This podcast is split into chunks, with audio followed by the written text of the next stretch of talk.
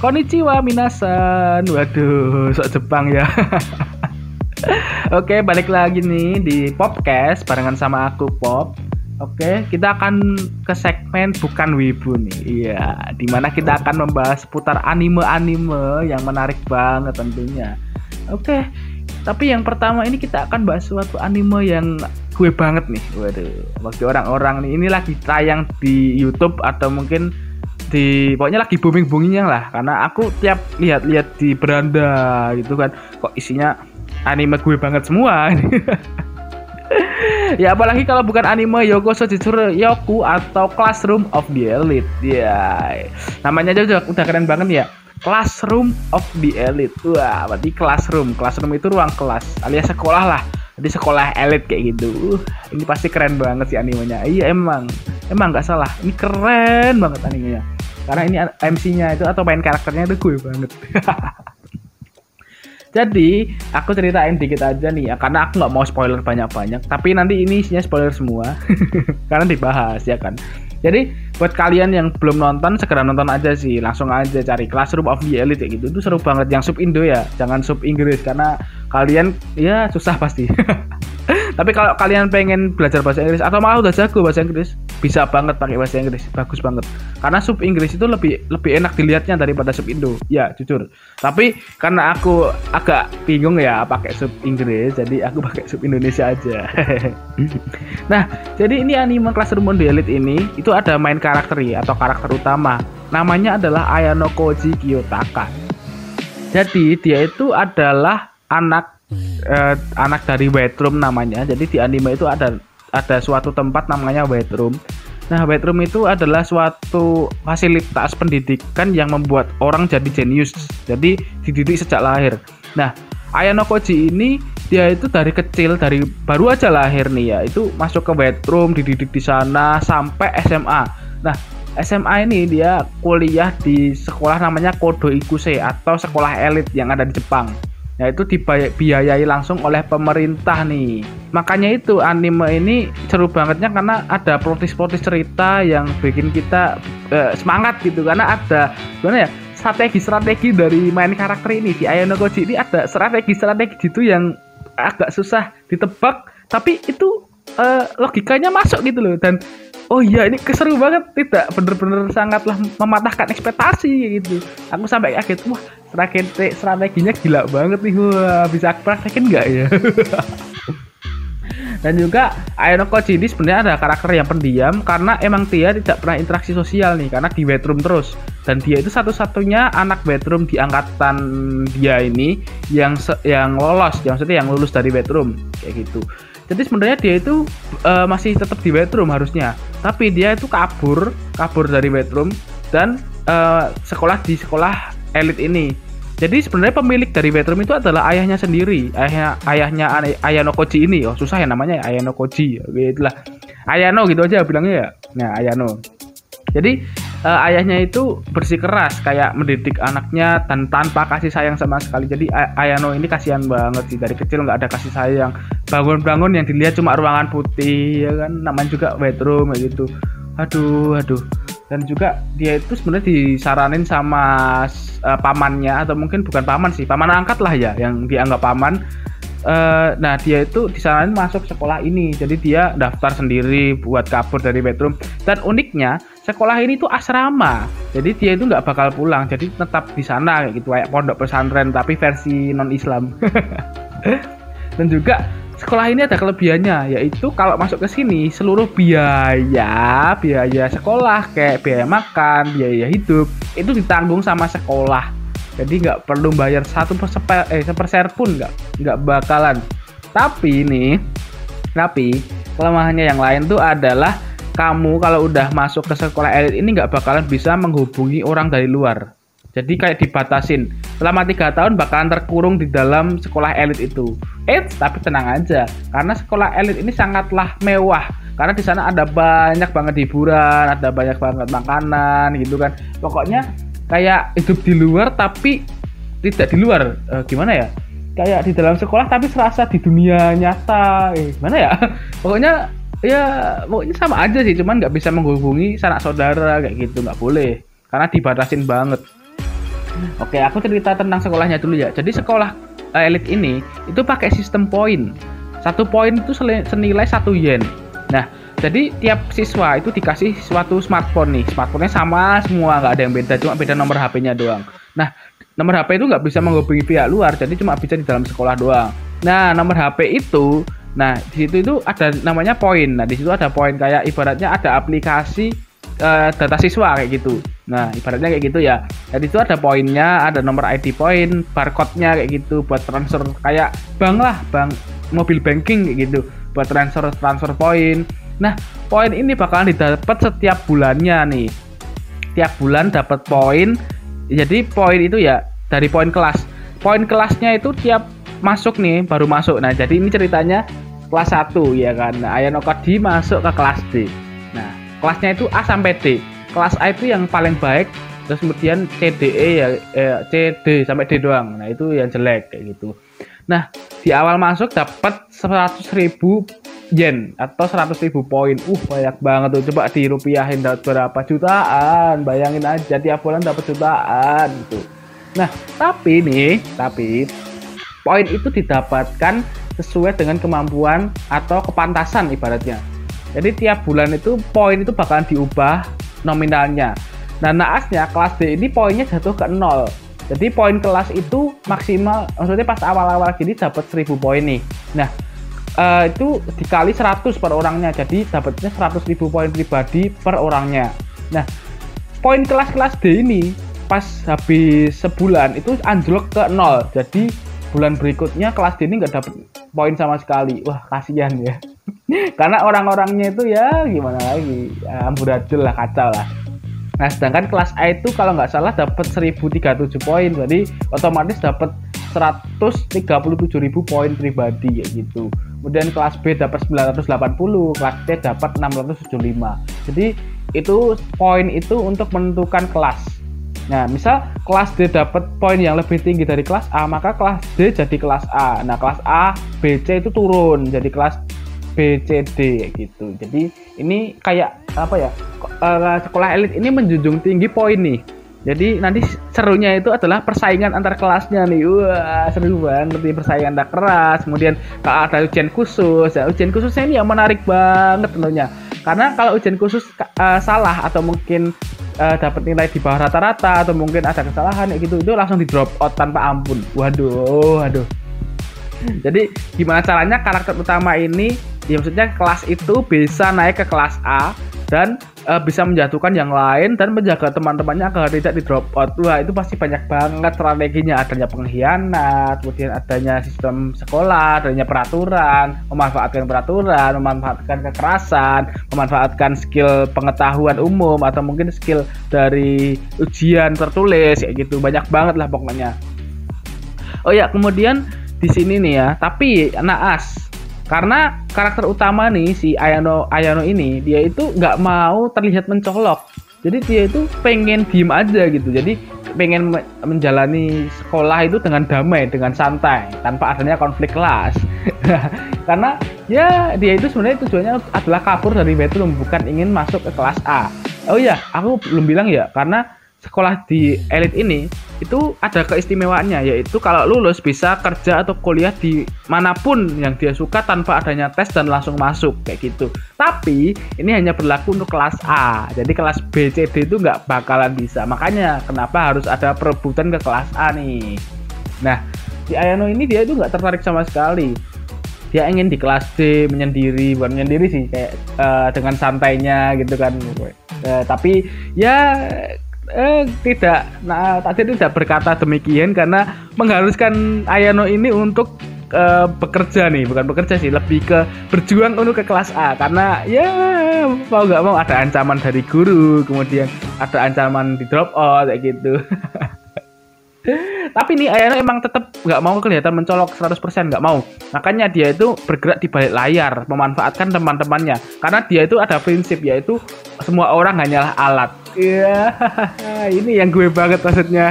Karena orang lain wah, semua orang hanya alat, semua orang hanya alat. Wah, ini ini emang ibu-ibu nggak jelas nih emang kayak gini. Nama juga anime yang gue banget.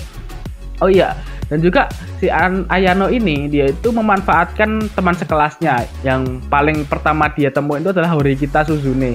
Dia ini cewek yang duduk di samping Ay Ayano Koji. Dia itu cewek yang pintar dan atletis, tapi dia itu pendiam dan kakaknya dia itu adalah ketua osis di sekolah elit tersebut. Uh gimana? Coba kaget kaget kan? Kaget pastinya ya kan?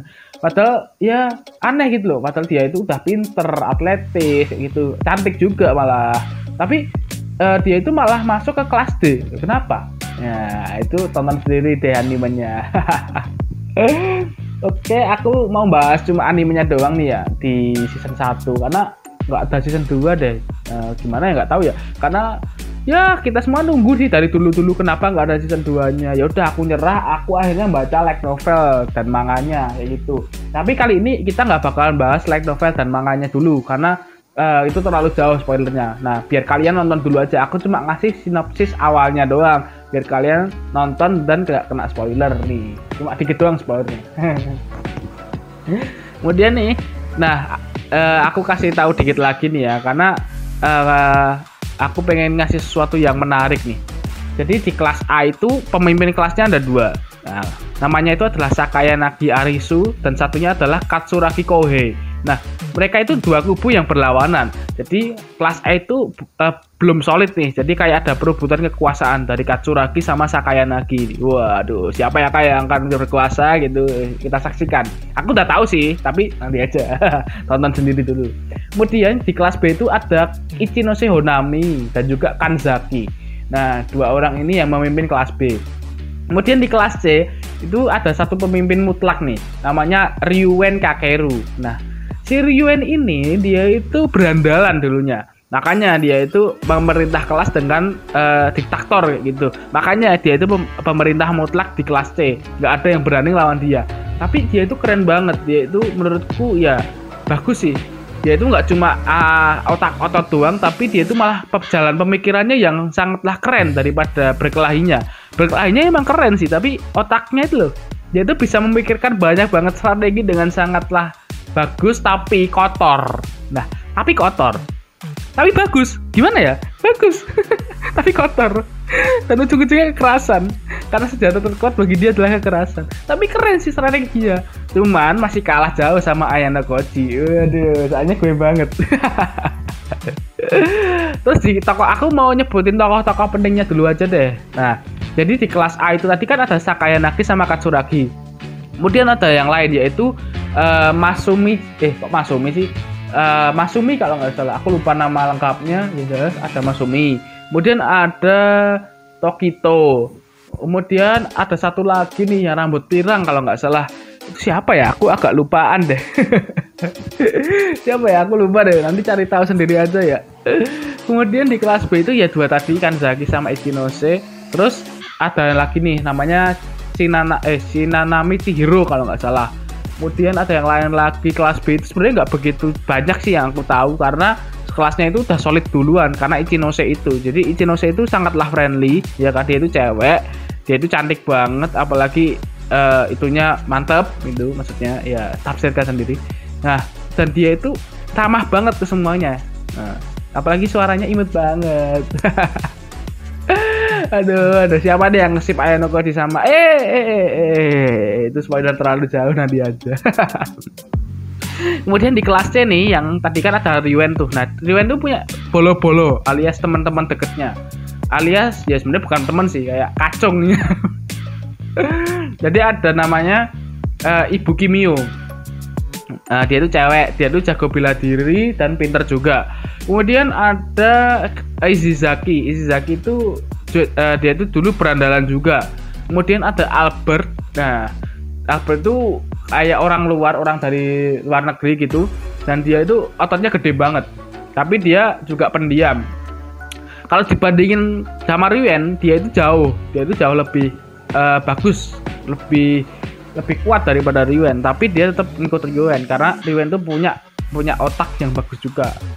Kemudian ada Sina Hiyori nih. Waduh waifu gua Sina Sina Yori ini wangi banget. Waduh, wangi dong, wangi pakai i, pakai i. Jadi Sina Yori ini juga salah satu aset berharga di kelas C. Nah, di kelas D, nah ini yang kita bahas di kelasnya main karakter di Ayano ini. Ini yang paling banyak karakternya yang aku tahu karena ini berpengaruh semua karena ini tentang kelasnya dia kan. Nah, yang paling utama itu adalah Horikita Suzune, ya kan. Nah, di sini itu cewek yang tadi itu. Kemudian ada Hirata Yosuke. Nah, Hirata ini adalah pemimpin alias ketua kelas D. Kemudian ada Kushida Kikyo. Nah, dia itu adalah cewek yang manis banget dan itunya mantep, ya kan gede juga. Nah, dia itu ya uh, dia itu sebenarnya satu sekolah satu SMP dengan Hori kita dulunya tapi beda kelas nah Kusida ini dia itu uh, ingin banget mendrop out Hori kita. Dan Hori kita ingin memperbudak Kusida. Eh bukan memperbudak sih mengajak temenan. Tapi Kusidanya nggak mau. Nah itu kayak ada perang dingin di antara keduanya. Tapi di depan teman-temannya mereka kelihatan akur-akur aja. Jadi kayak uh, muka dua gitulah Kusida ini. Tapi dia mantep. Ya salah satu waifu waduh. Kemudian ada Sakura Airi. Dia itu cewek pendiam dan itunya uh, mantep juga. Cuman dia pendiam sih mau nggak mau. Dan dia itu lemah di semuanya. Lemah di akademik maupun di bidang olahraga. Kemudian ada yang lain namanya uh, tri, tri, trio idiot ya namanya ya. Nah, trio idiotnya ada tiga orang yaitu adalah Yamauchi Yamauchi siapa? Lupa. Kemudian ada Ike kemudian ada Sudo. Yamauchi Ike Sudo. Nah dia ini tri idiot karena mereka itu lemah di bidang akademiknya. Top 3 paling bawah gitu. Ranking 3 3 top 3 lah. Dari bawah tapi tapi si Sudo ini dia tuh paling atletis di kelas eh bukan paling atletis kedua di kelas D. Karena yang pertama itu adalah Koenji. Nah ini ada karakter lagi namanya Koenji tapi dia itu sangatlah ya bodo amat sama kelas. Dia itu kayak uh, ada di dunianya sendiri gak ingin berkontribusi dengan kelas. Tapi dia itu uh, akademik sama fisiknya itu paling tertinggi di angkatan di angkatannya dia. Jadi ya selain Ayano Koji dan Sakaya Nagi ya? Eh ups. Nah, pokoknya dia itu paling tinggi ketiga lah di angkatannya dia ini di angkatan tahun pertama ini. Nah, tapi dia itu nggak mau nunjukin kemampuannya. Bukan nggak mau nunjukin sih lebih kemales nah gitu. Ada asik dengan dunianya sendiri. Kemudian ada yang lain tadi Hirata udah ya pemimpin. Kemudian ada Karu Izawa Kei. Yang itu dia itu adalah pacarnya Hirata. Dan dia itu adalah pemimpin para gadis di kelas D. Kemudian ada yang namanya ini nih uh, siapa ya? Aku gak lupa deh. Pokoknya banyak banget sih. Uh, ada yang namanya Hakase. Hakase itu profesor. Dia itu hacker di kelas D. Tapi dia itu nggak begitu mencolok sih. Cuma kadang membantu di kelas D di balik layar aja kayak gitu. Kemudian ya ini uh, aku kasih tahu aja beberapa karakter lain yang ada di luar kelas 1, maksudnya di tahun kedua dan ketiga. Oke. Okay. Jadi di tahun ketiga itu ada namanya uh, Horikita Manabu. Dia itu adalah kakak dari Horikita Suzune tadi yang cewek badas tadi. dia itu adalah ketua OSIS ya Horikita Manabu tadi. Dan dia itu apa ya kayak udah tahu kalau Ayano Koji itu punya kemampuan tapi dia sembunyikan. Nggak tahu dia taunya dari mana tapi jelas dia itu kemampuannya sangat tinggi. Apalagi dia ketua osis nih. Kemudian ada kelas 2 itu namanya adalah Nagumo. Nah, Nagumo Miyabi dia ini adalah wakil ketua osis dan dia itu uh, ada sistem baru nanti kalau udah jadi ketua osis nah itu nanti nanti aja karena itu masih di light novel volume 8 masih lama banget lah pokoknya lah Kemudian aku kasih tahu nih, yaitu adalah kepala sekolahnya sama guru gurunya. Oke, yang guru kelas D ini wali kelasnya adalah Cabashi Rasae, Cabashi Sensei lah. Nah, itu adalah wali kelas D. Kemudian kepala sekolah atau direktur sekolahnya itu adalah Sakaya Nagi. Itu arti ayahnya Sakaya Nagi Arisu tadi. Aku nggak tahu namanya, nama lengkapnya Sakaya Nagi siapa yang jelas ayahnya Sakaya Nagi eh ayahnya Sakaya Nagi Arisu itu kepala sekolah atau direktur sekolahnya gitu. Oke cukup segini aja karena kalau kalau lama-lama ya itu namanya spoiler tingkat tinggi dong. Nah, aku nggak mau. Jadinya biar kalian nonton dulu deh animenya. Aku recommended banget nih Classroom of the Elite. Ayo segera tonton sekarang habis dengerin podcast ini langsung aja tonton ya karena nanti pasti kalian bilang, "Wah, ini gue banget." meskipun kalian cewek pun wah ini ini ini husbu gua atau gimana gitu oke cukup sekian ya kan mungkin aku ke depannya bakalan bahas anime yang menarik lagi atau mungkin lanjutin ini kan ya, nanti aja tapi biar kalian nonton dulu aku masih jeda waktu buat kalian nonton biar gak kena spoiler lebih jauh ya kan oke Nah, terima kasih karena udah nonton. Tunggu episode podcastku yang selanjutnya ya. Oke. Dadah.